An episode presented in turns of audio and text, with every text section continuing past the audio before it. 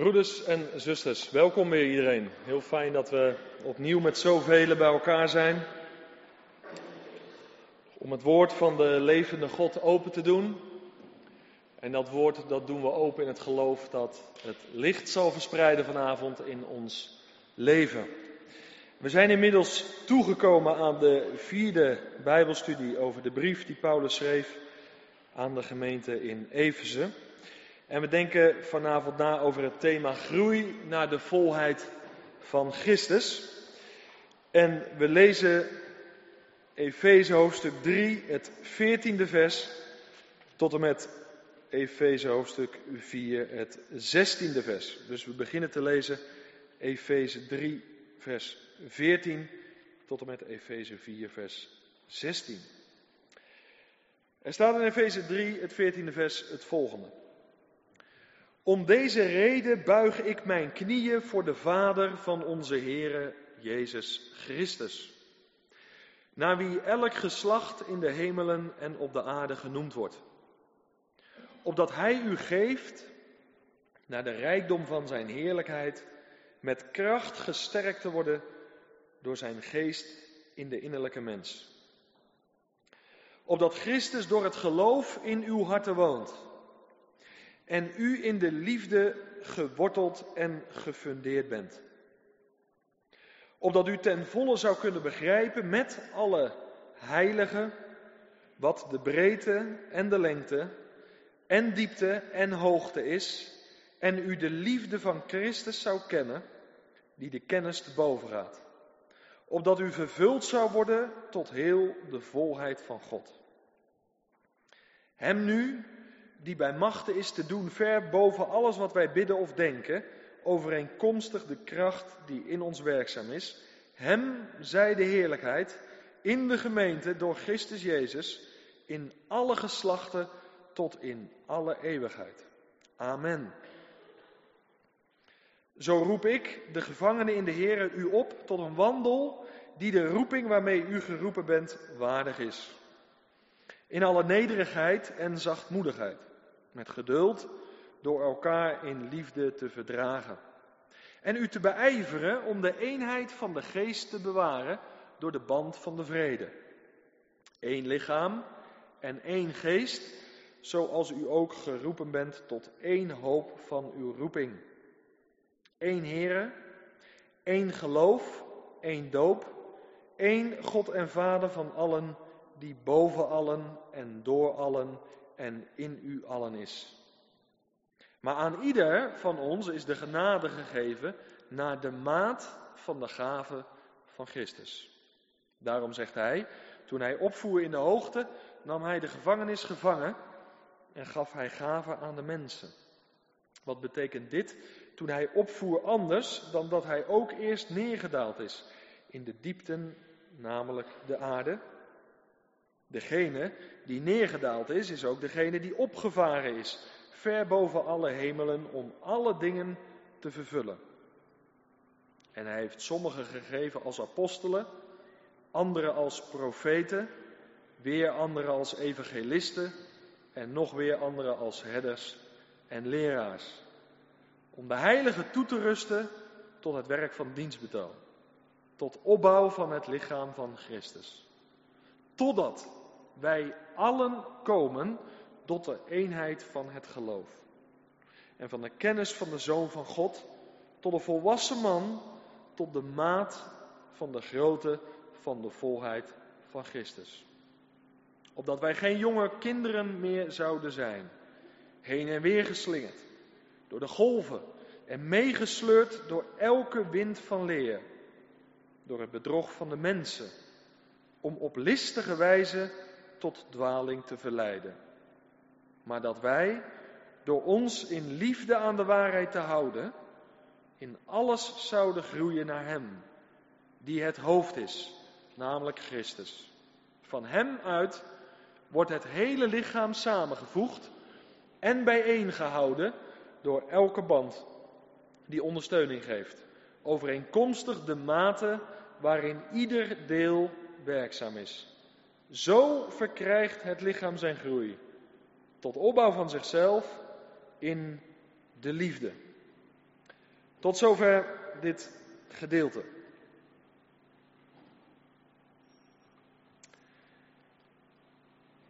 De apostel Paulus riep in zijn brief die hij schreef aan de gemeente in Thessalonica op om zonder ophouden te bidden. Hij wekte anderen op om te volharden in het gebed en daar niet mee op te houden. Is een belangrijke oproep van de apostel Paulus die hij deed aan de Thessalonicenzen. In de brief die hij schreef aan de Efeze lezen we dat hij niet alleen anderen daartoe oproept, maar dat hij zelf ook een bidder is. Hij praktiseert dus wat hij anderen onderwijst. En dat is heel belangrijk. Hij is eerst en vooral zelf een voorbidder. En in de hele Efezebrief komen we drie gebeden van Paulus tegen. De eerste die hebben we al gehad in een van de eerdere studies. Die vind je in Efeze 1 vers 15 tot en met 23. En in het gedeelte wat we zojuist hebben gelezen komen we het tweede gebed tegen van Paulus. En dat staat dan in Efeze 3 vers 14 tot en met 21. Vers 14 tot en met 21, dus het laatste deel van hoofdstuk 3, is het tweede gebed wat we lezen in zijn brief aan de Efeziërs. Hij riep dus op om te volharden in het gebed, om zonder ophouden te bidden, maar hij heeft het ook zelf gepraktiseerd, laten zien. En dat is belangrijk, ook voor ons vandaag. Wij kunnen heel veel dingen leren. Ik kan jullie heel veel principes leren. Maar het is van belang dat mijn leven doorzichtig is tot op het bot. En dat ik de dingen die ik onderwijs ook zelf leef en uitleef. Want anders ontkracht ik de boodschap. En die taak heb je ook als ouders. Als vader en moeder. Je kan je kinderen heel veel dingen leren. Maar als jij dat leven niet leeft, dan ontkracht het datgene wat je hebt willen onderwijzen. Maar Paulus die houdt die twee samen. Dat gaat hand in hand. Het onderwijs over gebed en zelf is hij een bidder bij uitstek. En een aantal aspecten uit deze laatste verse van hoofdstuk 3 wil ik benadrukken. Een aantal principes over gebed die wij hieruit kunnen leren. Ik heb er vijf. De eerste is deze. En dat lezen we gelijk al in dat veertiende vers van hoofdstuk 3. Om deze reden buig ik mijn knieën. Dat gaat over een gebedshouding. Daar kan je veel van leren. Het is geweldig dat in de Bijbel verschillende gebedshoudingen voorkomen. We zijn dus niet verplicht om het een of het andere te hanteren. Er zijn allerlei manieren. Je kan je handen vouwen, je kan je ogen sluiten, je kan je handen opheffen naar de Heer. Je kan ook je eigen neerbuigen, voorover buigen. Maar je kan ook staande bidden. Je ziet de, de Joden bij de, bij de muur staan, die staan staande te bidden. En die bewegen ook in hun gebed. Heb je er wel eens op gelet? Dat is mooi, hè? Die zijn met geest, ziel en lichaam betrokken bij wat ze doen. Niet alleen met hun denken, niet alleen met hun hart, maar ook met hun lichaam. Helemaal betrokken bij hun gebed. En dat kan je misschien wel eens meenemen voor jezelf. Dus als de volgende keer iemand zo staat te bidden, dan nemen we het hem niet kwalijk. Want dan zeggen we, hé, hey, hij is helemaal betrokken in zijn gebed. Op de eer en de toewijding aan de Heere God. Een gebedshouding. Maar waar ik naartoe wil is dit.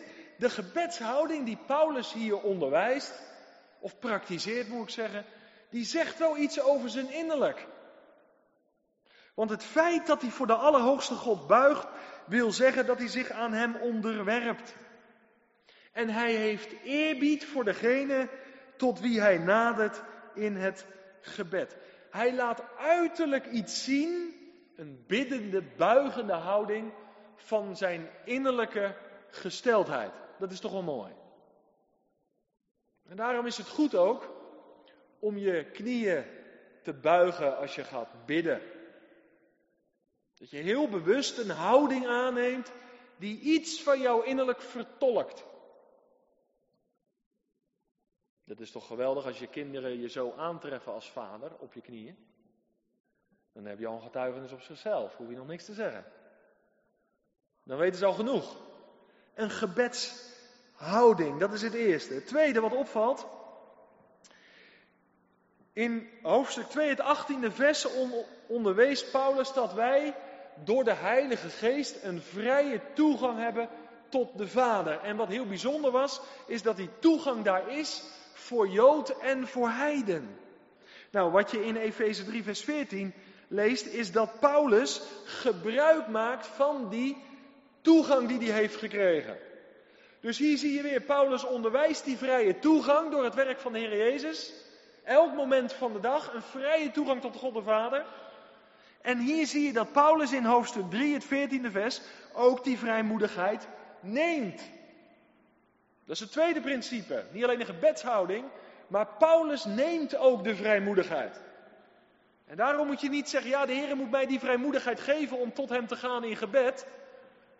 Hij heeft je uitgenodigd.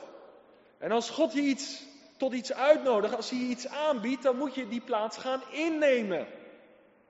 Dat is het tweede. Je moet dus vrijmoedigheid nemen. Als geliefd kind van de Vader. Vrijmoedigheid nemen om tot Hem te gaan. Door Jezus Christus, die de weg gebaand heeft. Een levende, een verse weg. En Paulus die onderwijst dat hier. En hij benadrukt dan nog in het vijftiende vers dat uiteindelijk alle levende wezens, zowel mensen, engelen, hun oorsprong hebben in de Heere God. Hij is hun aller vader. Wij hebben de vrijmoedigheid tot de Vader, maar uiteindelijk hebben alle levende wezens hun oorsprong in God, hun schepper. Hij is hun aller vader. Dat is het tweede. Het derde. En dat is een hele belangrijke. Als je dit gebed van Paulus goed bestudeert, dan zie je dat Paulus niet alleen een gebedshouding aanneemt, dan zie je dat hij niet alleen de vrijmoedigheid neemt, maar wat nu komt is heel belangrijk, want hij bidt ook heel concreet. Hij bidt doelgericht. En dat is wat velen vandaag moeten leren. Om concreet te bidden. Om doelgericht te bidden. Doe je dat? En misschien moet je voor jezelf wel eens iets opschrijven. Als je tijd van gebed neemt. Waar wil ik nou echt voor bidden? Wat wil ik nou bij de Heer brengen? Oh ja, zeker, dat wat Hij je door zijn geest indachtig maakt. Maar het is goed om concreet te zijn. Je zal zeggen, hoe weet ik dat? En, en, en kan dat wel? En mag dat wel? Is dat niet brutaal? Is dat niet vrij postig? Nee, dat is vrijmoedig. Dat is iets heel anders. En vrijmoedig mag je zijn. Om een paar voorbeelden te noemen. Paulus zegt in vers 14, het eerste gedeelte, hij zegt, om deze reden buig ik mijn knieën. Om deze reden. Dat is concreet, want dat verwijst naar vers 13, het vers daarvoor. Daar schrijft hij, daarom vraag ik u dat u de moed niet verliest vanwege mijn verdrukkingen omwille van u, want dat is uw heerlijkheid. En om deze reden buig ik mijn knieën. Dus Paulus moedigt de gemeente aan om de moed niet te verliezen vanwege zijn verdrukkingen. Ik buig juist mijn knieën voor jullie. Want het is tot jullie heerlijkheid dat ik mijn knieën buig. Heeft hij een duidelijk doel om te bidden of niet? De heerlijkheid van de gemeente. Hij bidt dus concreet. Wil je nog een paar voorbeelden? In vers 16, vers 17, vers 18 en 19 lezen we het woordje op dat. En dat wil zeggen met als doel. Paulus bidt ook daar weer concreet. In al die versen is zijn gebed concreet. Vers 16, opdat hij u geeft. Vers 17, opdat Christus door het geloof in uw harten woont. Vers 18, opdat u ten volle zou kunnen begrijpen. En vers 19b, opdat u vervuld zou worden tot heel de volheid van God. Zie je dat Paulus' gebed concreet is, doelgericht, niet zomaar wat prevelen, maar doelgericht bidden. En daar moet je jezelf in oefenen. Daar moet je jezelf in trainen. Want wat is nou de zegen van doelgericht bidden? Als je heel bewuste dingen bij God hebt gebracht, heel concrete dingen benoemd hebt, dan kan je ook heel bewust en heel concreet uitzien naar gebedsverhoringen. Als je vaag iets bij de Heer hebt gebracht,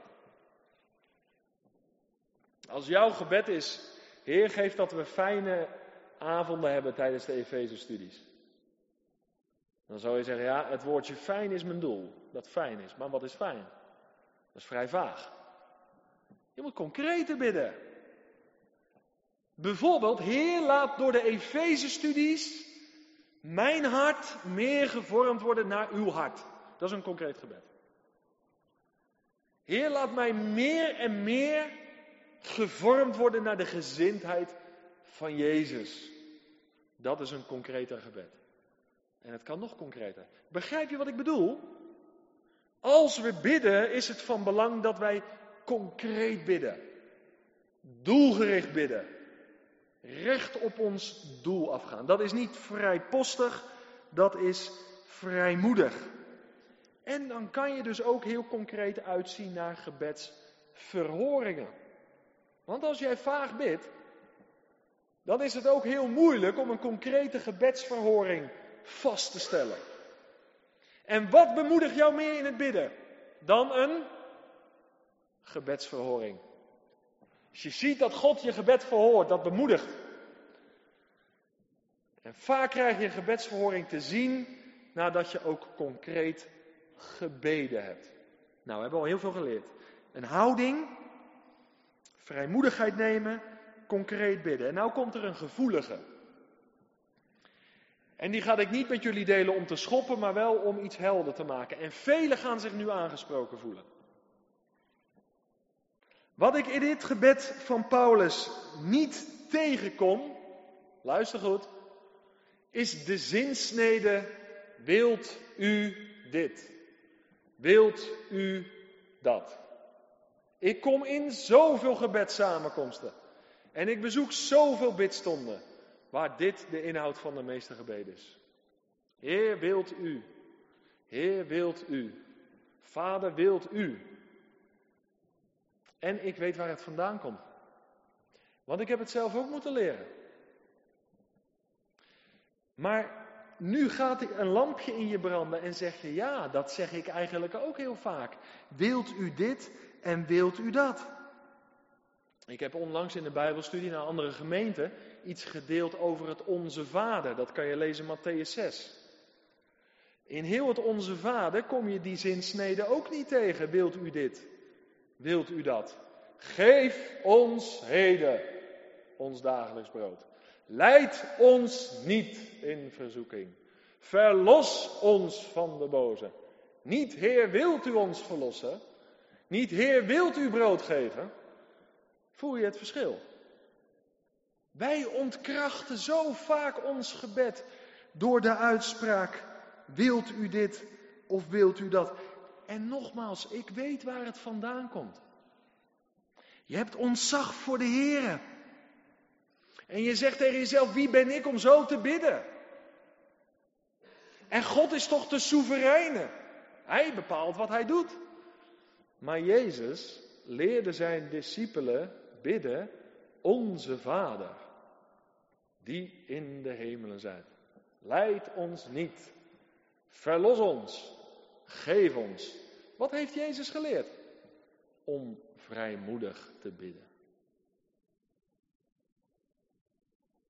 En daarom moet je eens proberen. Het was bijzonder. In die betreffende Bijbelstudie dat ik dat gedeeld heb. Dat is een serie die ik hou over de kracht van gebed. En elke avond, dat zijn acht avonden, benader ik een bepaald aspect van gebed. En dat wat ik onderwezen heb, gaan we na afloop praktiseren met die groep. Dus we gaan gelijk in praktijk brengen wat ik ze geleerd heb. Dus ik stel ervoor na afloop, we gaan bidden met elkaar. En we gaan nu doorbreken het wilt u. En dat was zo mooi. Ik geloof dat een van de eerste gebeden was, wilt u? Ach, zei die broeder. Daar ging hij gelijk al, ja. Maar dat is zo mooi. Zo leer dat. En ik merkte nadat we gewoon, en daar moet je jezelf in trainen. Nadat ik dat gedeeld had en één broeder die misstap nog maakte, kregen we krachtige gebeden met elkaar. En dan was het een heerlijke avond. Alleen het moet eens een keer gezegd worden. Je moet er eens een keer attent op gemaakt worden. Want heel vaak ontkracht het onze gebeden. Je zal zeggen, nou ik wil nog wat meer bewijs uit het woord. Blader even naar Jacobus 1, dan zal ik het je laten zien. Jacobus hoofdstuk 1. Ter illustratie.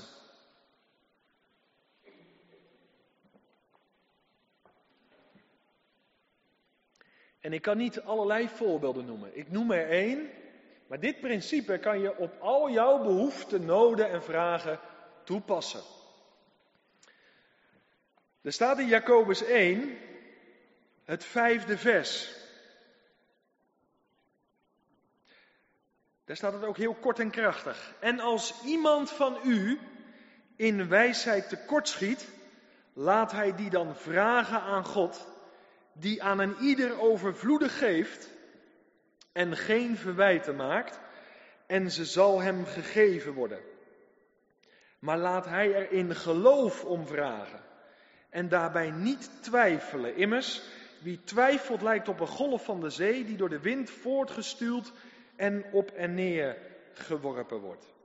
Het gaat mij nu even niet om, het aspect van een gebed wat wel of niet verhoord wordt. Het gaat erom dat hier een basisprincipe wordt onderwezen. Als iemand van uw wijsheid tekortschiet, laat hij die dan vragen aan God. Moet je dan nog bidden, Heere, wilt u mijn wijsheid geven als je dit gelezen hebt? Nee, er staat hier, als iemand wijsheid ontbreekt. Dan hoef je niet meer te vragen, zou u het willen geven? Ik heb het al aangeboden voordat jij riep. Begrijp je? En wij ontkrachten heel vaak onze gebeden. Onbewust, nogmaals. Maar wij moeten leren om in de kracht van de Heilige Geest te gaan bidden. Te bidden in geloof. Maar Jacques, hoe doorbreek ik dat dan? Dat wilt u. Nou weet je, heel simpel, dan moet je gewoon met werkwoord beginnen. Zoals in het Onze Vader. Verlos ons van de boze. Leid ons niet in verzoeking. Geef me wijsheid. Dan ben je er al voorbij. Dan is het opgelost. En je zal zien als je zo gaat bidden, dat heel je gebed, de inhoud van je gebed, concreet gaat veranderen. En dat je mag groeien in je gebedsleven. Ik reik dit aan, nogmaals, niet om te schoppen of iets te vervelends neer te leggen bij je, maar om je iets aan te leren. En dat moet eenmaal een keer gezegd worden, zodat je er je voordeel mee, zal doen. Bidden in geloof bewerkt een krachtiger gebedsleven. Dat was het vierde principe wat Paulus hier in ons onderwijst. En dan het vijfde. Als je het gebed van Paulus leest, even terug naar de Efezebrief, dan zie je dat Paulus in Efeze 3, vers 14 en het 15e vers, maar met name ook de laatste twee versen van hoofdstuk 3, vers 20 en vers 21.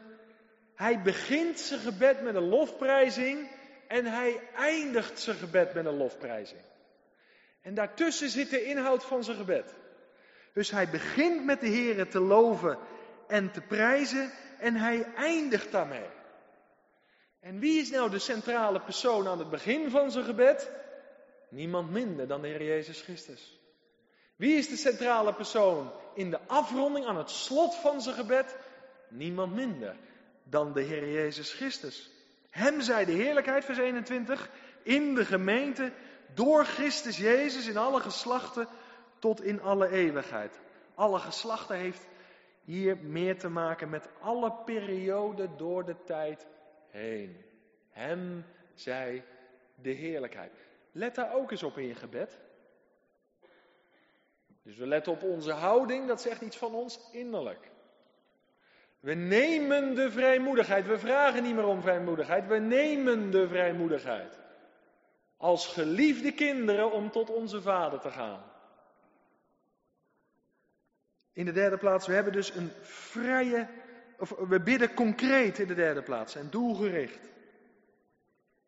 We voorkomen de zinsnede, wilt u, En we gaan onszelf trainen en oefenen om te beginnen met de verheerlijking van God. Om te eindigen met de verheerlijking van God. En wij moeten onszelf daarin trainen. Om niet als we in gebed gaan direct uit te komen bij onze persoonlijke behoeften, noden en zorgen. Maar ons concentreren heel bewust, ons focussen eerst en vooral op wie God is. Ook dat verandert je gebedsleven. Vijf eenvoudige principes. En je zal gaan ervaren, als je dit niet alleen hoort, maar ook gaat doen. We gaan Hebreeuws denken, heb ik de vorige keer gezegd. Dus horen en doen horen bij elkaar. Je zal zien, vijf eenvoudige principes, die gaan je gebedsleven veranderen. En je zal de kracht van gebed gaan ervaren. En dat, daar voeg ik bij de belofte, dat God gaat doen boven wat je kan bidden of kan denken. Dit was mijn eerste gedachte. Lessen, principes uit het gebedsleven van Paulus. Nou nog kort iets over de inhoud van deze verse. Want ik heb nu alleen algemene principes eruit gehaald. Maar wat bidt hij nou? Nou, in de allereerste plaats bidt Paulus in dit gedeelte om de kracht door de Heilige Geest naar de innerlijke mens. Hij verbindt de Heilige Geest met kracht. In eerdere studies heb ik uitgelegd dat Paulus bad om de geest van kennis, van wijsheid en van openbaring. De Heilige Geest was daar de persoon die mij licht geeft in een bepaald thema. Die mij openbaring geeft, onthulling geeft. In dit geval is de Heilige Geest een krachtbron. Het gaat om de Heilige Geest en zijn kracht in mij. Blader even naar 2 Korinthe 4. 2 Korinthe 4. Het zestiende vers.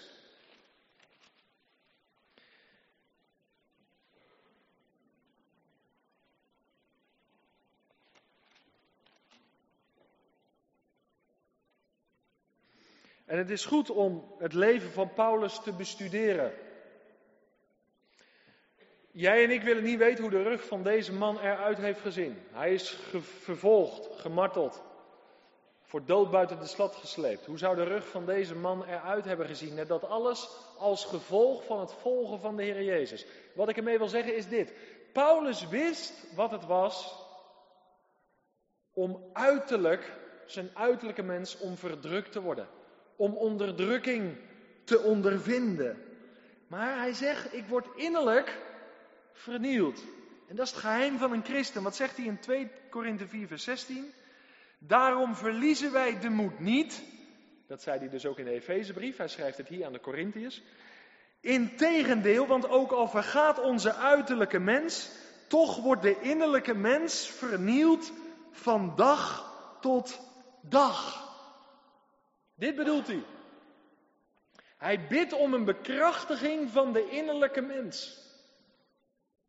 Misschien ervaar je tegenstand, druk, strijd van buitenaf.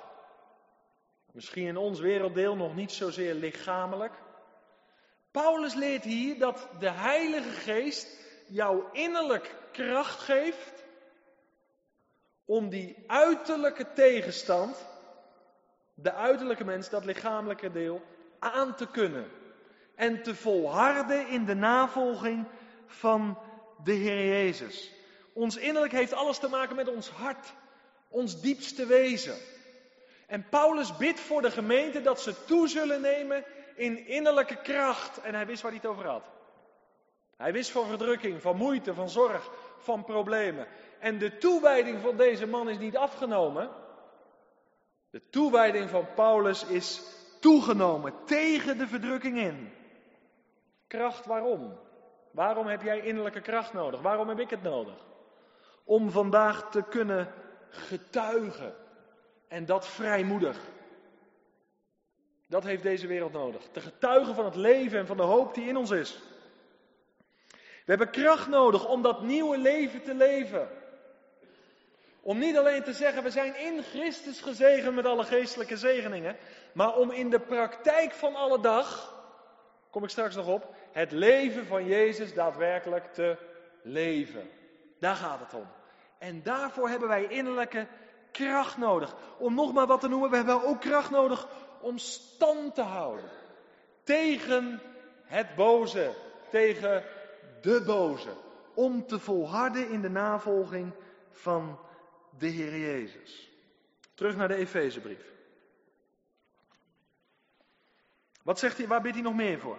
Opdat hij u geeft naar de rijkdom van zijn heerlijkheid. De rijkdom van zijn heerlijkheid wil altijd zeggen overvloed, royaal. Als God iets geeft, doet hij dat altijd royaal, overvloedig. Met kracht gesterkt te worden door zijn geest in de innerlijke mensen. En dan komt hij vers 17. Opdat Christus door het geloof in uw harten woont. En u in de liefde geworteld en gefundeerd bent. We komen op een heel belangrijk stukje. De Bijbel leert dat voor allen die de Heer Jezus aannemen als hun Heer en Heiland, die tot geloof komen, de Heilige Geest komt wonen in ons hart. De Heilige Geest krijg je niet door een doop in de geest of door een second blessing. De Heilige Geest komt in ons wonen op het moment dat we tot geloof komen. Dat we Jezus toelaten als Heer en Heiland. Nou zou het kunnen zijn dat de gelovigen in Efeze nog niet zo lang geleden tot geloof gekomen waren. En dat, dat Paulus dit nog even onderstreept. De inwoning van de geest is daar waar iemand tot geloof komt. Maar ik geloof dat er nog een ander aspect is. Wat hij wil benadrukken. En dat is vooral dit. Dat wij gaan ervaren. Meer en meer dat de geest in ons woont. Als gelovigen. Daar bidt hij om. Dat we ons het meer bewust zijn dat God door zijn geest vandaag in dit lichaam woont. En van dit lichaam zijn tempel heeft gemaakt. Als we ons dat meer bewust zijn, gaan we ook anders met ons lichaam om, toch? Misschien heb je wel eens, althans laat ik mezelf maar als voorbeeld nemen, als wij een vakantiehuisje huren, dan heb ik altijd even de tijd nodig om te acclimatiseren voordat ik me er thuis voel. Ze zeggen altijd dat het schoongemaakt is op een park, maar ik heb altijd mijn grote vragen erbij. Met de Franse slag meestal. Er hangt ook altijd nog een apart luchtje wat ik als eerste uit wil hebben. Je kent, ik voel me nog niet thuis in dat huis. Naarmate wij meer ons bewust worden dat God door zijn geest in ons woont. En wij de Heilige Geest meer en meer ruimte geven in ons hart en in ons leven. Naar die mate gaat de Heer Jezus zich ook meer thuis voelen bij ons. En de vraag is, voelt de Heere God zich thuis in uw, in jouw hart? Of hangen er nog luchtjes van het oude leven? Waardoor hij zich nog niet zo thuis voelt. Daar zou je eens over na moeten denken. Het gaat om de inwoning van de Heilige Geest. God koos ervoor om niet meer in een tabernakel, niet meer in een tempel, maar in een lichaam te gaan wonen. En Paulus bidt dat we dat vooral meer gaan beseffen, meer en meer gaan ervaren. Waarom? Dat zal ons leven radicaal en totaal veranderen. Als jij bewust bent dat dit de tempel van God is. En als jij je bewust bent om maar wat te noemen, dat je geen schoorsteen op je hoofd hebt. Waarom zou je dan nog een sigaret opsteken? Als dit zijn tempel is. Toch? We moeten ons dat meer bewust gaan worden. Dat hij hier is komen wonen. En dan gebruikt Paulus twee werkwoorden. Dat vind ik zo mooi. Hij zegt geworteld, dat jullie geworteld en gefundeerd zijn in de liefde. Dat is ook onderdeel van zijn gebed. De liefde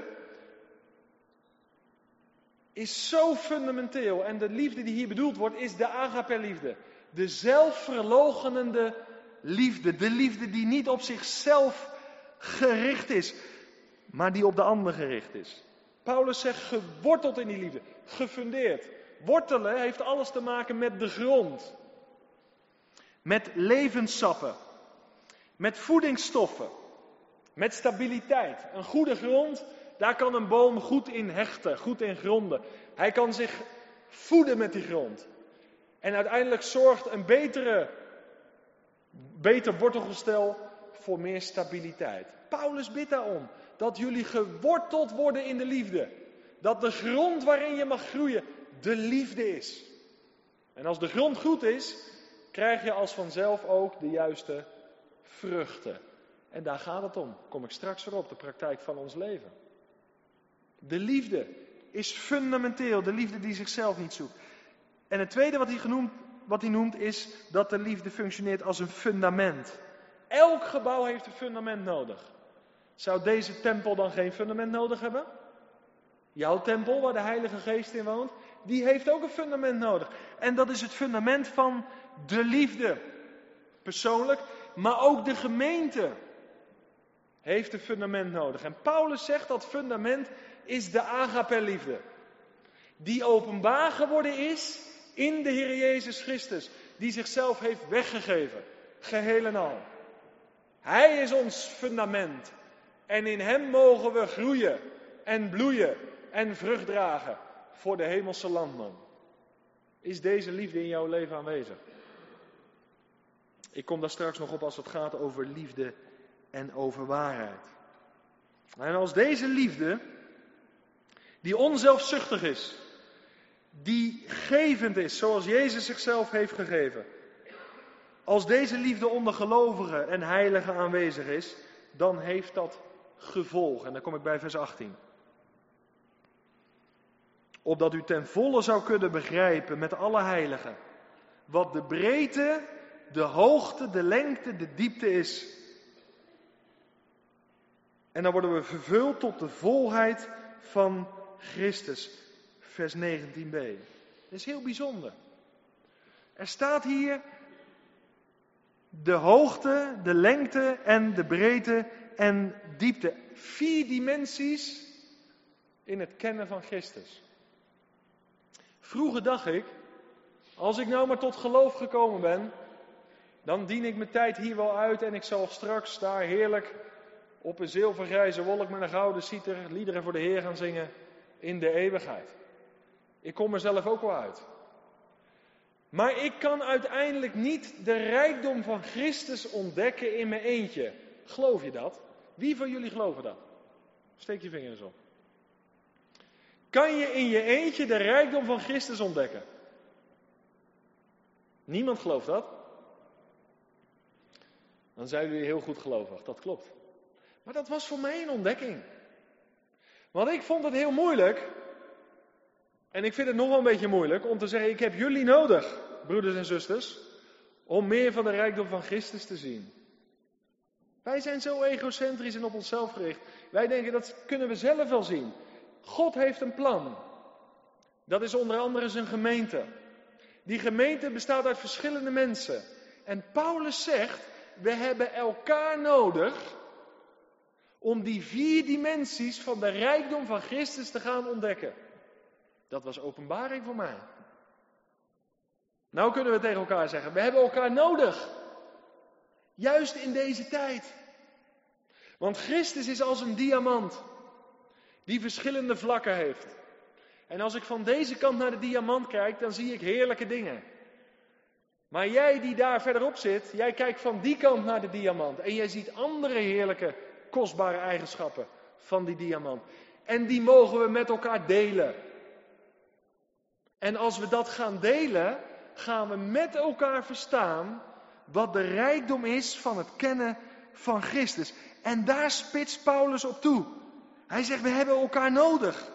Om te zien wat de breedte en de lengte, de diepte en de hoogte is. En om zo vervuld te worden van de volheid van God. Blader even naar Colossense 2. Want dat is het eindelijke doel. Colossense hoofdstuk 2. Wat je hieruit dus kan opmaken, is dat er een toename is in vervulling tot de volheid van Christus. Als het goed is, ik ben in het jaar 2000 tot geloof gekomen in de zomer. En ik ben toegenomen als het gaat om de volheid van God. Er is een proces in mijn leven geweest. Ik heb elke dag iets afgeleerd. Ik heb elke dag iets aangeleerd.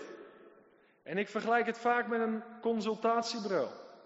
Als je daar met je kleine naartoe gaat, dan kijken ze of je op de groeilijn zit, toch? Of je positief ontwikkeld bent. Of dat je onder de groeilijn zit. Als ik op dezelfde, of als ik sinds 2000 onder de groeilijn zit, dan zou daar een alarmbelletje bij mij moeten gaan rinkelen. Dan ben ik achtergebleven. Als het gaat om de vervulling tot de volheid van God in Christus. Er moet een ontwikkeling in ons geestelijk leven plaatsvinden. Het begint met vergeving van zonde, met vrede bij God, met God. Maar van daaruit groei ik door. En dat is het verlangen. Wat zegt Paulus in de Colossensebrief? Het tweede hoofdstuk, het negende vers. Daar schrijft hij het volgende. Want in hem woont heel de volheid van God lichamelijk. En u bent volmaakt geworden in hem, die het hoofd is van iedere overheid en macht. Hier zie je dus dat de volheid van God, als we die in ons leven willen ervaren, meer en meer leren kennen, dan is het van belang dat wij groeien in kennis en genade van de Heer Jezus Christus. Want die volheid van God is in Hem geopenbaard. In Christus heeft God de Vader tekst en uitleg gegeven van dat wat in zijn vaderhart is.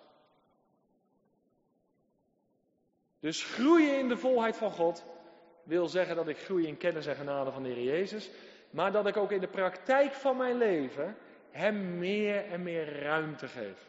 Op alle terreinen van mijn leven. Dan gaan we naar het tweede gedeelte. Hiermee heb ik het gebed uit Efeze 3 afgerond. En wat Paulus nu gaat doen, in de eerste verse van hoofdstuk 16, is dat hij een omslag gaat maken. Met vers 21 van hoofdstuk 3 heeft hij een bepaalde onderwijsperiode afgerond. Dat was theorie. Schitterend. Geweldig. Echt iets om de Heer voor te loven en voor te danken. Wie we in Christus zijn geworden. En wat Gods plan is met zijn lichaam, met de gemeente. Maar als het nu niet verder komt, dan hebben we een heel groot probleem. Want wat gaat Paulus nu doen? Die gaat de vertaalslag maken naar de praktijk van ons leven. En dat is nodig vandaag. Ik kom te veel mensen tegen dat als ik ergens een boodschap breng over de toewijding aan de Heere God, dat mensen na afloop naar me toe komen en zeggen: Ja, maar Jacques, wij zijn gezegend hoor. Met alle geestelijke zegeningen. En we leven onder de genade en we zijn vrij van de wet. En nou kom jij weer met een oproep. Nou moet ik weer wat. Nou, dat is wat Paulus hier gaat onderwijzen. Want wat zegt hij in het eerste vers van hoofdstuk 4? Zo roep ik de gevangene in de Here. Hij zit nota bene nog gevangen. Zou je dat even goed onthouden? Weet je, ik zit wel eens in moeilijke omstandigheden in mijn leven. Verkeer ik in moeilijke perioden. En dan ben je geneigd om de standaard van je toewijding wat te verlagen. Herken je dat? Dan ga je een soort in de slachtofferrol kruipen. En dan zeg je, ja, ik heb het nu zo zwaar. Het zit me allemaal zo tegen. De standaard van mijn toewijding haal ik ook maar iets naar beneden. Herkenbaar? Een enkeling? Nou, ik voel je met mij verbonden. Maar wat doet Paulus? Gaat het hem voor de wind? Hij zegt, nee, ik ben nog steeds gevangen. Maar dat doet niets af aan mijn toewijding aan mijn Heer. Amen? Dat had luider gemogen. Dit is zo belangrijk. Weet je, mannen zijn sowieso zielig. Hè? Ik heb dat voorbeeld meer gebruikt. Als een man griep heeft, dan kan hij al bijna niks meer. Dan ligt hij op bed, moet het donker zijn en stil zijn. Ja, een beschuitje gaat net. Doet de deur vlug weer dicht. Kopje thee, op vaste tijd het liefst, stoor me niet. Dus wij passen ons dan heel snel aan. Paulus zit gevangen en met dat hij het moeilijk heeft, en ik las zelfs bij een verklaarder, vond ik wel opmerkelijk dat hij zich geketend zat aan een soldaat. En toch heeft hij die brief geschreven. En met dat hij het moeilijk had, houdt hij de standaard van de toewijding op het niveau zoals God dat heeft neergelegd, neergezet. Dat is een belangrijke. Hij zegt, zo roep ik, de gevangenen in de Heer, u op tot een wandel die de roeping waarmee u geroepen bent waardig is. Hij gaat vanuit de theorie, hoofdstuk 1 tot en met 3, de vertaalslag maken naar de praktijk van het leven, hoofdstuk 4 tot en met 6. Leer en leven gaan in het leven van Paulus samen op. Zo was het bij de Heer Jezus ook. En nu ga ik een belangrijke opmerking plaatsen. Want heel veel christenen vandaag die denken dat zij de genade van God nodig hebben om behouden te worden. Die denken dat ze de genade van God nodig hebben om vergeving van zonde te ontvangen. Die denken dat ze genade van God nodig hebben om de Heilige Geest te ontvangen. Wees gerust, dat is ook zo. Die genade heb je nodig. Is die genade beschikbaar? Ja, fijn dat je allemaal ja zegt. Want, nu ga ik iets zeggen. Om in de praktijk het leven van Jezus te leven, heb je diezelfde genade nodig. Dat wist je. Maar nu ga ik een stapje verder. Om het leven van Jezus te leven, is die genade ook beschikbaar. Dan ga ik nog een stapje verder. Wij zijn vandaag in staat om het leven van Jezus te leven. Hoeveel is het? 21 oktober 2014. En dit moeten we goed tot ons door laten dringen. De genade is er niet alleen om tot geloof te komen. De genade is beschikbaar en stelt ons in staat om het leven van Jezus vandaag te leven. En hoe komt het dat zoveel christenen tobben in een geestvervuld leven te leiden? Velen kwakkelen in hun toewijding. Ja, dat is genade hoor, Jacques. En dat kan je met een scheef gezicht zeggen. Met een bibberende stem en dan maakt het nog indruk ook. Maar uiteindelijk komen we niet tot ons doel. Want als wij in Christus gezegend zijn, dan is dat iets waar ik iets van af weet en waar de Heere God iets van af weet, toch? Maar het is de bedoeling dat de mensen waarmee ik leef, dat die er ook iets van af gaan weten. Begrijp je wat ik bedoel? Want anders is het iets tussen God en jou. Ik ben in Christus gezegend. Maar het is fijn als mijn vrouw ook gaat merken dat ik in Christus gezegend ben. Dat maakt mij tot een totaal nieuw mens. En het wordt tijd dat we als christenen op gaan staan en dit leven concreet gaan leven. Maar wie is daartoe in staat? Mijn genade is voor jou genoeg. En mijn kracht wordt in jouw zwakheid volbracht. En dit wil ik echt benadrukken. Want Paulus die steekt gelijk van wal. En hij zegt, oké, wil je wandelen waardig je roeping? In het Grieks staat daar dat je roeping in overeenstemming is met je wandel. Dat je roeping uit de duisternis tot zijn wonderbaar licht in balans is met je wandel. Dan is het allereerst van belang dat het karakter van Jezus in jou openbaar wordt. Nou, hij zet gelijk stevig in, Paulus. Efeze 4, tweede vers. Hij heeft het over vier karaktereigenschappen. Hij heeft het over nederigheid, zachtmoedigheid, geduld en verdraagzaamheid. Als je wil wandelen zoals Jezus, hier heb je vier van zijn karaktereigenschappen.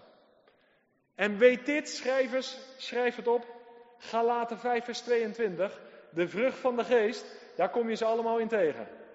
Dus wij delen in deze karaktereigenschappen. Wij kunnen deze karaktereigenschappen openbaren. In ons huwelijk als we dat hebben. In ons gezin. In onze gemeente. In de samenleving. Omdat het een vrucht, de vrucht van de geest is. En we hebben de Heilige Geest toch ontvangen. Dat is belangrijk. Het is iets wat hoort tot de vrucht van de geest. Nederigheid.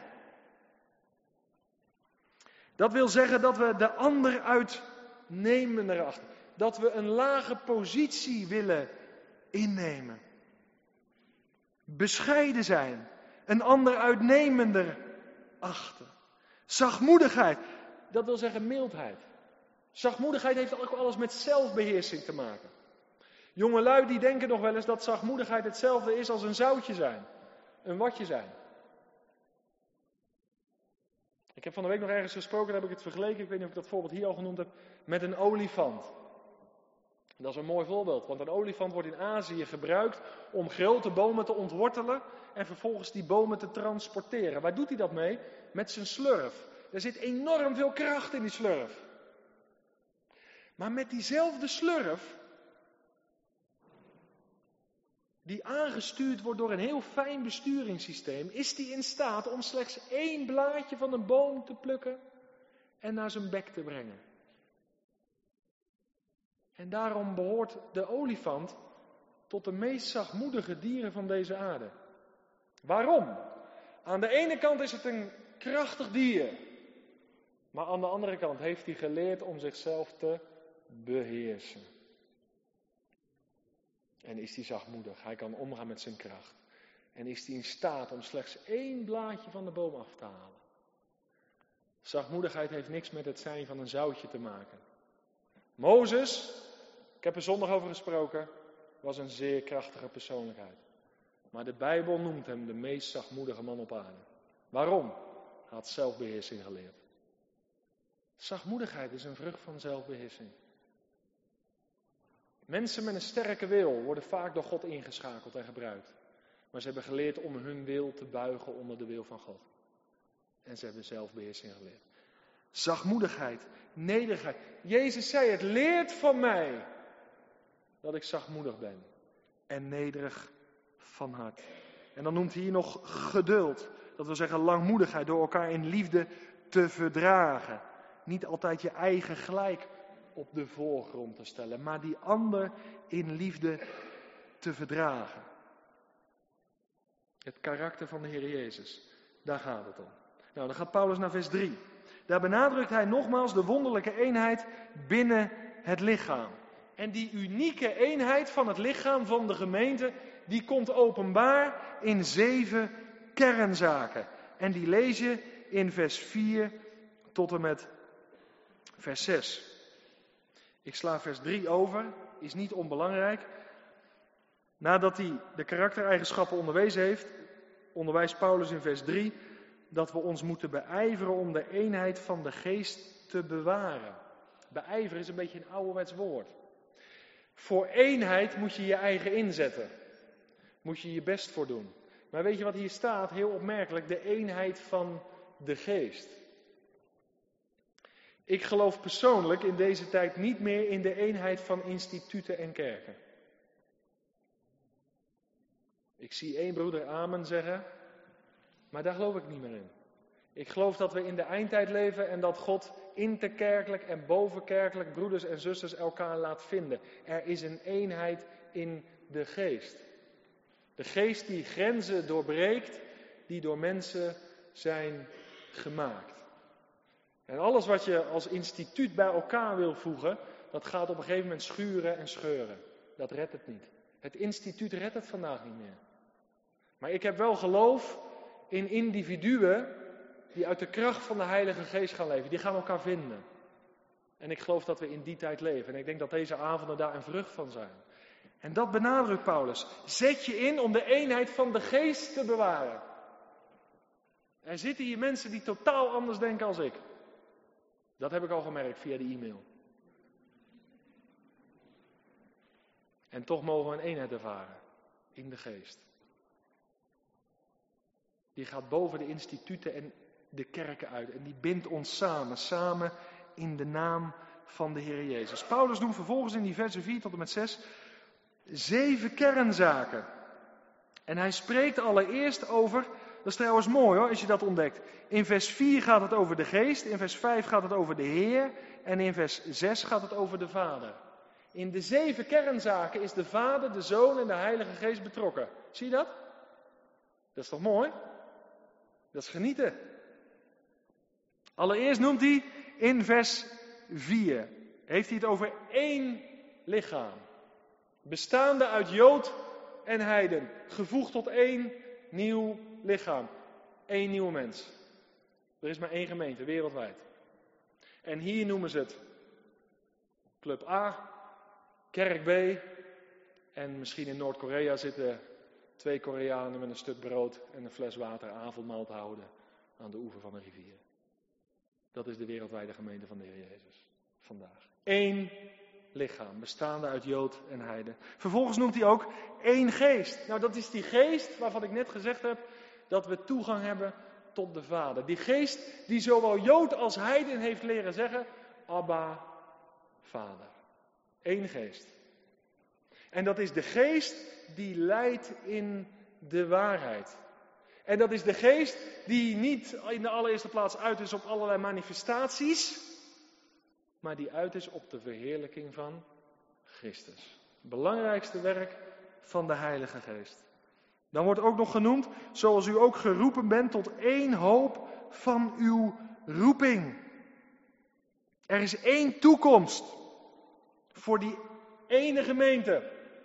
Dat is de heerlijkheid bij en in de Heer Jezus Christus. We hebben iets gezamenlijks om naar uit te zien. De heerlijkheid in Christus. Er is ook één Heere. Daar staat in het Grieks, er is één Curios. We, zijn van meester veranderd, toch? We leefden onder de macht van de duisternis. Onder de aanvoering van de vorst van de duisternis.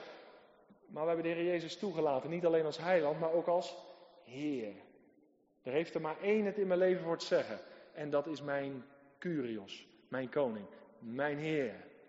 De Heer Jezus Christus. En dat is ook de enige weg tot de Vader. Eén Heer. Er is ook één geloof. Daar gaat het niet zozeer om het werkwoord geloven. Daar gaat het om de inhoud van ons geloof. En wat is de inhoud van ons geloof? Dat Jezus Christus Heer is. En dat God hem uit de doden heeft opgewekt. Dat is de inhoud van ons geloof. Dat is de kern. Want als Christus niet was opgewekt, dan was onze, ons geloof te vergeefs, ijdel, leeg. En ook inhoudsloos was onze prediking. Eén Heer, één geloof, één doop. Er is ook maar één doop. En dit heeft allereerst te maken met dat wat Paulus schrijft in 1 Korinthe 12, vers 13. Dat wij in het lichaam zijn ingedoopt. Zoek het anders maar even op. 1 Korinthe 12, het dertiende vers.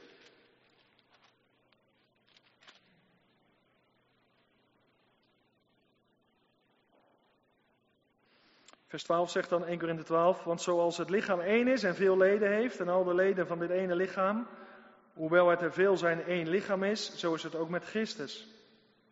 En dan vers 13, ook wij allen immers zijn door één geest tot één lichaam gedoopt. Het zij dat wij Joden zijn, het zij dat wij Grieken zijn, het zij slaven, het zij vrije, en wij allen zijn van één geest doordrenkt die ene geest die heeft ons samengesmeed in de Heer Jezus Christus.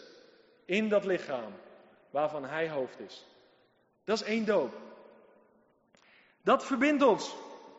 Maar daarnaast geloof ik dat de Heer de doop door onderdompeling heeft ingesteld voor een ieder die gewassen is in het bloed van het nieuwe verbond. Eén doop. En ga thuis uitzoeken welke doop dat dan volgens jou is. Maar dit geloof ik, op grond van de Bijbel. Vers 7. Maar aan een ieder is de genade gegeven naar de maat van de gave van Christus. Wat Paulus hier doet is heel mooi en ik hoop dat je die lijn ziet. Hij heeft zijn uiterste best gedaan om de eenheid binnen de gemeente te benadrukken. En dat heeft hij vanavond over de hoofden van de Efeziërs ook aan jullie willen doen. Er is een eenheid. In de geest. In de praktijk hebben we er een bende van gemaakt. Maar er is die eenheid. Die herkenning. Maar Paulus zegt, tegelijkertijd is er ook die verscheidenheid binnen het lichaam. En dat heeft te maken met gaven en bedieningen. Dat is interessant. Dat is de veelkleurigheid van het lichaam van Christus. We zijn niet allemaal eenheidsworsten. Gelukkig niet. Ik heb wel eens gezegd in mijn leven, als iedereen nou zo dacht als ik, dan was alles opgelost. Totdat God je laat vastlopen met jezelf. Dan denk je, wat een drama zou het zijn als iedereen zoals ik was. Dus zodra je iets gaat denken, laat God je vanzelf vastlopen. Er is verscheidenheid. Er is die eenheid door de geest. Die grenzen doorbreekt die door mensen zijn gemaakt. Maar binnen het lichaam is de veelkleurigheid, de verscheidenheid. En dat heeft alles te maken met gaven. Vers 7 zegt dat. Voor elke gelovige een gave op maat. Eenheid in verscheidenheid. En dat moet je gaan ontdekken.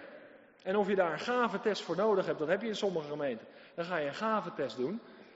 Nou ja, daar kan je over denken wat je wil. Maar, maar heb je er sowieso al eens over nagedacht? Heel veel mensen komen in de gemeente om te consumeren. Dan gaan ze zitten en zeggen nou het was wel wat of het was niks. Duurde te lang of te kort, de man is een beetje saai of dat zou zo moeten of zo moeten. Maar ze doen zelf, verder zelf niks.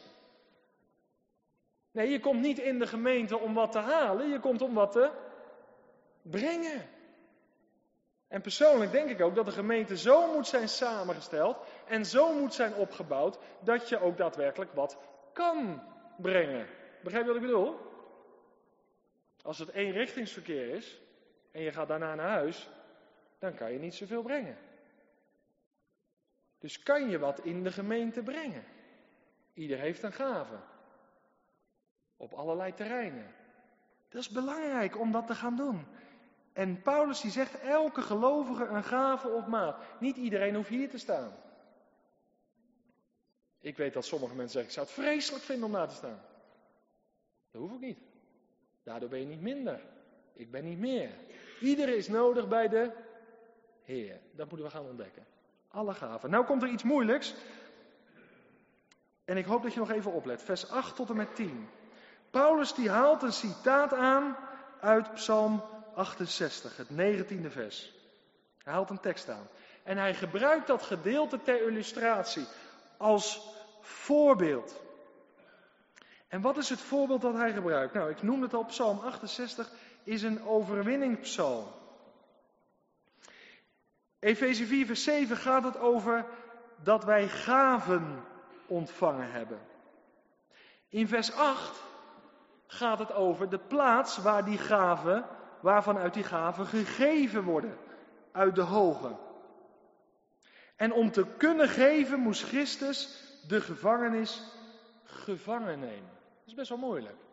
Christus geeft ons gaven. Hij geeft die gaven vanuit zijn positie, vanuit de heerlijkheid, na zijn hemelvaart. Vanuit die gezagspositie deelt hij gaven uit. Maar voor die gaven moest hij eerst naar de aarde komen. En met het licht wat ik hier heb, geloof ik dat dat wil zeggen dat Christus de heerlijkheid bij de Vader verlaten heeft. Hij is gestorven. Hij is begraven in de aarde geweest, in het graf geweest. Hij is opgestaan. Hij is verheerlijkt. Hij heeft getriomfeerd over alle machten en alle krachten. Psalm 68 is een overwinningspsalm. Daar bezinkt David de overwinning. De grote Davidszoon heeft overwonnen. Over alle machten, alle krachten, over de zonde, de dood, de wereld, Satan en zijn demonen. Christus is overwinnaar. En door zijn kruis, dood en opstanding, hij kwam uit de hoge en bleef niet alleen op de aarde, maar is ook in het graf, in de aarde gegaan maar heeft de overwinning behaald. En door zijn kruisdood en opstanding en zijn verheerlijking kan hij ons gaven geven om vandaag het lichaam te dienen. Wij zijn niet meer gebonden door de zondemacht of door Satan of zijn demonen of door ons vlees. Christus heeft overwonnen. En in hem zijn wij meer dan overwinnaar. En alles wat ons gevangen hield, heeft hij weggenomen. Dat is reden om dankbaar voor te zijn, toch? Ook wij delen in die geestelijke overwinningen. En met de gaven die Hij vervolgens aan ons geeft, mogen we in die overwinning staan en vandaag het lichaam van Christus dienen. Vers 11. En Hij heeft sommigen gegeven, naast de gaven die elk gemeentelid heeft, want ieder heeft gaven, heeft de Heere God ook nog vijf bijzondere bedieningen aan de gemeente gegeven. En die worden genoemd in het elfde vers.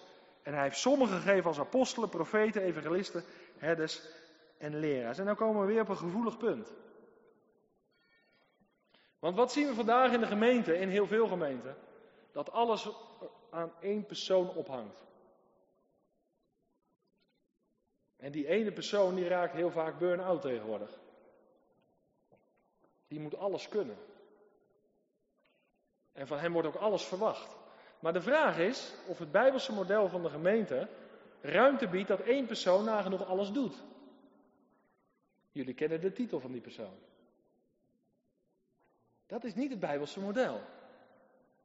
En ik denk dat daarom ook die persoon, hoe die zijn best ook doet, en hoe je hem ook kan waarderen, maar het is te veel. En hij heeft waarschijnlijk ook niet alle gaven. Ik was eens een keer in Elspet, daar loopt zo'n herder rond, hè? Met van die schapen. En dan houdt hij zo'n praatje, en dat vond ik wel leuk, zo bij te kijken. En toen zei hij, ja, we hebben tegenwoordig meer leraars dan herders, zei hij. En ik begreep wat hij bedoelde. Maar ik denk, ik ga hem niet voeren, want dat vond hij mooi, hè? want dan kon hij loskomen, dan kon hij zijn verhaal doen. Maar ik begreep precies wat hij bedoelde. En we hebben tegenwoordig meer leraars dan herders, maar hij was herder. Nou, Paulus zegt, de Heere God heeft vijf bedieningen gegeven. De apostelen, nou daar wordt over getwijfeld hè, of die er nog zijn, dat is een heel gevoelig onderwerp, maar dat mag je zelf uit gaan zoeken. De apostelen, die stichten vaak gemeenten, die discipelden de mensen, de volgelingen van, van de Heer. En met name de apostelen hebben het fundament gelegd voor de christelijke gemeente. Ze hebben de brieven geschreven. Dus het fundament, de geloofsleer, is door de apostelen overgedragen. En daar hebben wij vandaag profijt van, want Paulus was ook een apostel. En een van de kenmerken van de apostelen, maar ik ga er niet te diep op in, is dat zij zelf de Jezus gekend hebben. Dat ze omgang met hem gehad hebben. Dat was een kenmerk van een apostel. Nou, een profeet, dat was iemand die het woord rechtstreeks namens de Heer sprak. Je hebt vast wel eens gehoord, kijk, dit is het woord van de Heer. 66 boeken. Maar je hebt ook een woord van de Heer. Je het verschil? Dit is het woord van de Heer. Maar het kan zijn dat ik vanavond een woord van de Heer heb.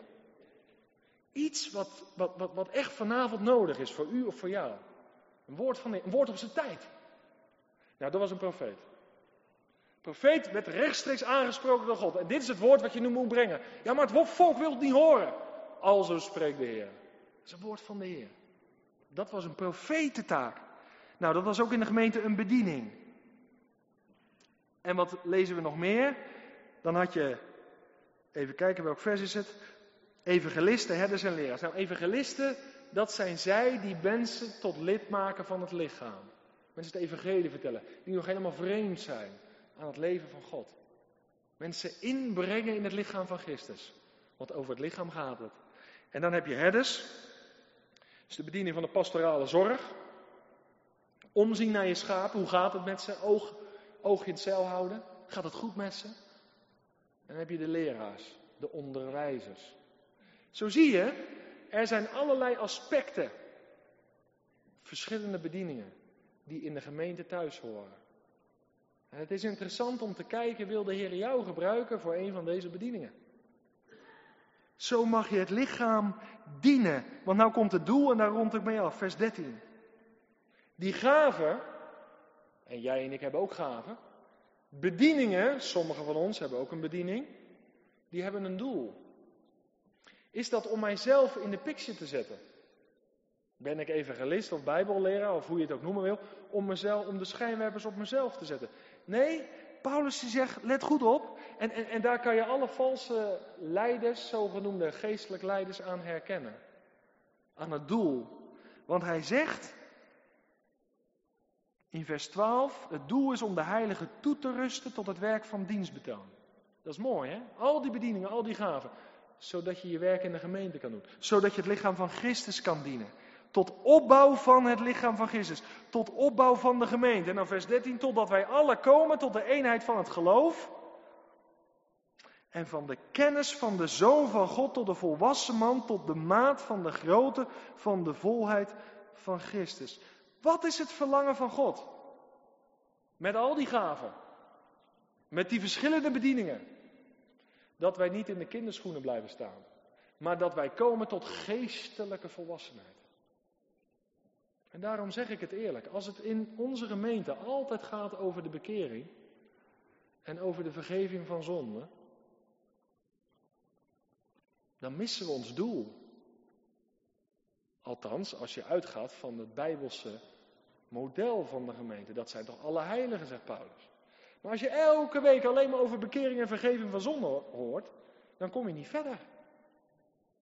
Dan word je niet toegerust tot dienstbetaling. Dus de Heere God verlangt dat wij vaste spijzen tot ons nemen. Daarom is het goed dat je, en soms zit je bij mij best lang, vergeef het me. Maar je moet vaste spijzen tot je nemen. En daarom is het ook van belang dat je Bijbelstudie volgt, structureel door Bijbelboeken heen gaat. En niet alleen maar leeft bij dagboekjes. Want dan is het vandaag die tekst en dan die tekst en je ontdekt geen lijn in de Bijbel. Het is op zich niet verkeerd. Je kan een mooie gedachte opdoen, maar je moet die, dat woord tot je nemen. Je moet vaste. Kijk, als ik heel mijn leven patat had gegeten, dan had ik sowieso geen 2 meter 4 geworden. Dus er is een moment gekomen dat ik ook vaste spijzen tot me ging nemen. En ik kwam tot volwassenheid. Althans, daar ga ik voor door. Begrijp je? Dat is gezond. En dat moet in de christelijke gemeente ook gebeuren. We moeten tot geestelijke volwassenheid komen. Tot de volwassen man, tot de maat van de volheid van Christus. Tot gelijkvormigheid aan Christus. En dan geeft hij ook de reden in vers 14. Waarom moet je dan volwassen zijn? En weet je wat ik soms echt niet begrijp in heel veel gemeenten? Kijk, ik verlang dat mijn kinderen groeien naar de volwassenheid. Het lijkt me geweldig als je oudere kinderen hebt en je ziet ze de deur uitgaan. En je kan zeggen, nou, het is een volwassen man, volwassen vrouw geworden. Kan zelfstandig in de maatschappij staan. Ben dankbaar voor. Dat is toch mooi? Dat is toch een zegen? Maar, maar, maar ik heb een tijd geleden in een gemeente gezegd, stel voor dat ik hier gesproken heb en ik loop met een babyflesje door de zaal heen na afloop. Met een speen eraan en melk erin. Niemand zegt wat. Dat durven ze niet. Ja, dat is te spreken, maar een beetje aparte man wel. Niemand zegt wat. Het zou niet gezond zijn. Maar hoeveel mensen die zeggen, ik ken 10, 20 jaar de heren en lopen nog met een babyflesje. Hebben geen vaste spijzen. Blijven bij de eerste beginselen. Nee, we moeten doorgroeien. Dat wil onze hemelse vader. Want die is daar ook dankbaar voor. Zoals wij dankbaar zijn als onze kinderen tot volwassenheid zijn gekomen. En zelfstandig keuzes kunnen maken. Want wij als vaders weten wat er in de wereld te kopen is. Lees maar, vers 14. Opdat wij geen jongere kinderen meer zijn, heen en weer geslingerd door de golven en meegesleurd door elke wind van leer. Door het bedrog van de mensen om op listige wijze tot waling te verleiden. Dat is het gevolg als je niet volwassen bent. Geestelijk volwassen mensen houden het ook vol in 2014. Hun focus op Jezus, de overste leidsman en het einde van het geloof. Moet volwassen worden. Niet je laten meenemen door de een of andere lering of dwaling van mensen. Maar je moet visie hebben. Moet je verdiepen in het woord van God. Oppassen in kennis en genade van Hem. En het ook praktiseren. Want er zijn zoveel afleidingsmanoeuvres. En we worden heen en weer geschingerd. Maar wat is het doel van God? Vers 15. Maar dat wij door ons in de liefde aan de waarheid te houden, in alles zouden toegroeien naar Hem die het hoofd is, namelijk Christus. Zie je waar Paulus op weg, naartoe op weg is, wat hij verlangt. Hij verlangt, hij stimuleert, misschien word je wel eens moe van van hem. Hij verlangt volwassenheid. Hij wil dat dat, dat dat volwassen geestelijke christenen zijn. Die staan voor hun zaak, die weten waarvoor ze leven en die het leven van Jezus openbaren. En hoe doe je dat? Door ons in de liefde aan de waarheid te houden. En nou kom ik in heel veel kringen. En in het ene kamp hebben ze het alleen maar over de liefde. Ja, God is liefde hoor. En als je een vermanende boodschap hebt, of je zegt dat bepaalde praktijken niet stroken met het woord van God, ja, maar God is liefde. Ja, er staat hier door je in de liefde aan de waarheid te houden. En in de andere kant van het kerkelijk spectrum zwaaien mensen met de waarheid. Wij hebben de waarheid.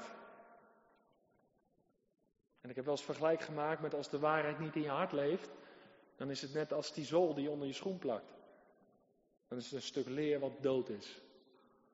Maar de waarheid in de Bijbel is een persoon die leeft. De Heer Jezus Christus.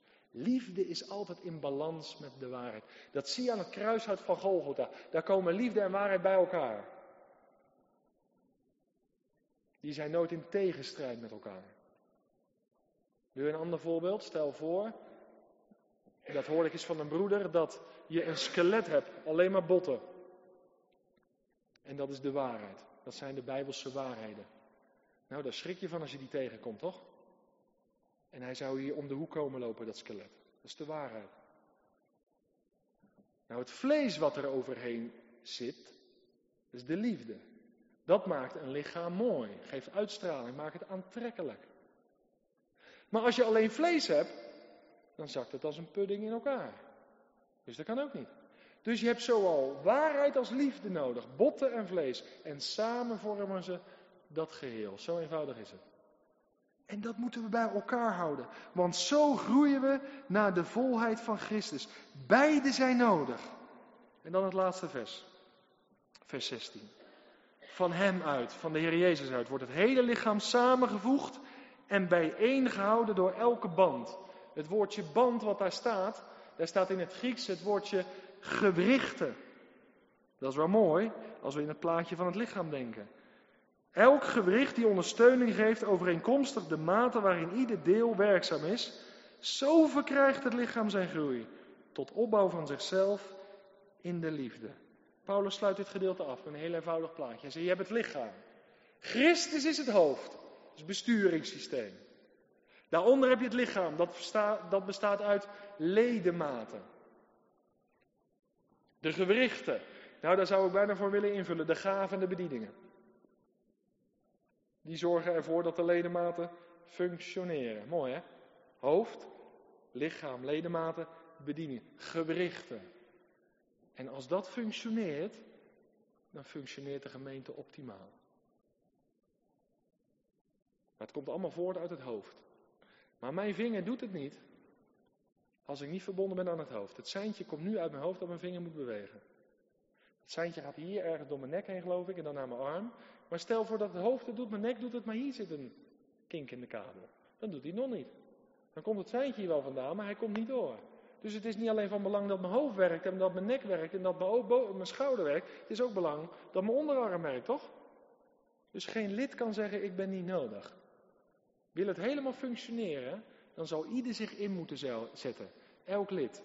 Doet niets af aan onze verantwoordelijkheid. Het komt uit Christus voort, maar wij mogen ons inzetten om dat lichaam te bouwen. Christus het hoofd. En zo wordt het lichaam gebouwd vanuit het hoofd met inzet van de leden. Ik moest denken toen ik dit alles overdacht had, en het is veel, ik besef het. Maar ik hoop dat je dit vat. Dat God ernaar verlangt. Dat wij het leven van Jezus daadwerkelijk gaan leven. En dat in ons leven zichtbaar wordt wie het hoofd is. Te midden van alle verscheidenheid. En ik las het bekende verhaal van John Wesley en George Whitfield. Als je een beetje thuis bent in de kerkgeschiedenis, dan weet je dat. John Wesley was een Arminiaan. En George Whitfield was een gomarist, als je weet wat het is. Nou, dat is ongeveer water en vuur, haat en nijd, die twee. Dat kan helemaal niet. En ze hadden een groot conflict over de leer van de verkiezing. John Wesley had daar niet zoveel mee. En George Whitfield die ging daar helemaal voor. En ze hadden oneenigheid en meningsverschil, heel heftig. En de gemoederen liepen zeer hoog op. En op dat moment vroeg er een collega van Whitfield broeder George, zullen wij John Wesley in de hemel ontmoeten? Ik meen te geloven van niet, zei Whitfield. En de bezoeker keek hem goedkeurend aan. Totdat Whitfield iets strenger nu eraan toevoegde. Luister goed. Ik vrees dat als wij in de hemel komen, dat we John Wesley daar niet zullen zien. Want hij zal zo dicht bij de troon van God staan, dat we geen glimp van hem zullen kunnen opvangen. Dus een Arminiaan staat straks dichter bij de troon van God dan een Gomarist. Hoe kan dat nou? De vraag is, die ik van Henk Binnendijk geleerd heb, en die me altijd opnieuw weer raakt. Hoeveel ziet God van zijn zoon terug in ons leven. Los van jouw theologie. Los van jouw waarheid. Los van jouw zuivere dogmatiek. Hoeveel ziet God de Vader van zijn zoon terug in ons leven? We zijn met Christus gezegend. Met alle geestelijke zegening, in Christus gezegend. We hebben alles. Maar de vraag is of we het leven van Jezus vandaag leven. En als je dat niet optimaal leeft, dan zou er wel eens een Pinksterbroeder waar jij heel veel moeite mee hebt, theologisch, dichter bij de troon kunnen staan straks van God dan jij en ik, die eindeloos bezig waren met theologie en dogmatiek, maar ondertussen niet het leven van Jezus hebben geleefd. Hoeveel ziet God de Vader van zijn Zoon terug in ons leven? Laten we een moment onze ogen dicht doen. En misschien wil je wel hardop hier antwoord op geven. Wil je de Heer God danken voor dat leven wat je hebt ontvangen. Misschien wil je wel opnieuw toewijden. En zeggen, ik zie alles theoretisch helder, ik kan je helemaal volgen. Maar ik wil ook een nieuwe toewijding maken. Want ik verlang ernaar dat het leven van Jezus vandaag door mij heen zichtbaar wordt naar een wereld verloren in zonde en schuld. Neem de vrijmoedigheid om je gebed uit te spreken. Dan zal ik afsluiten.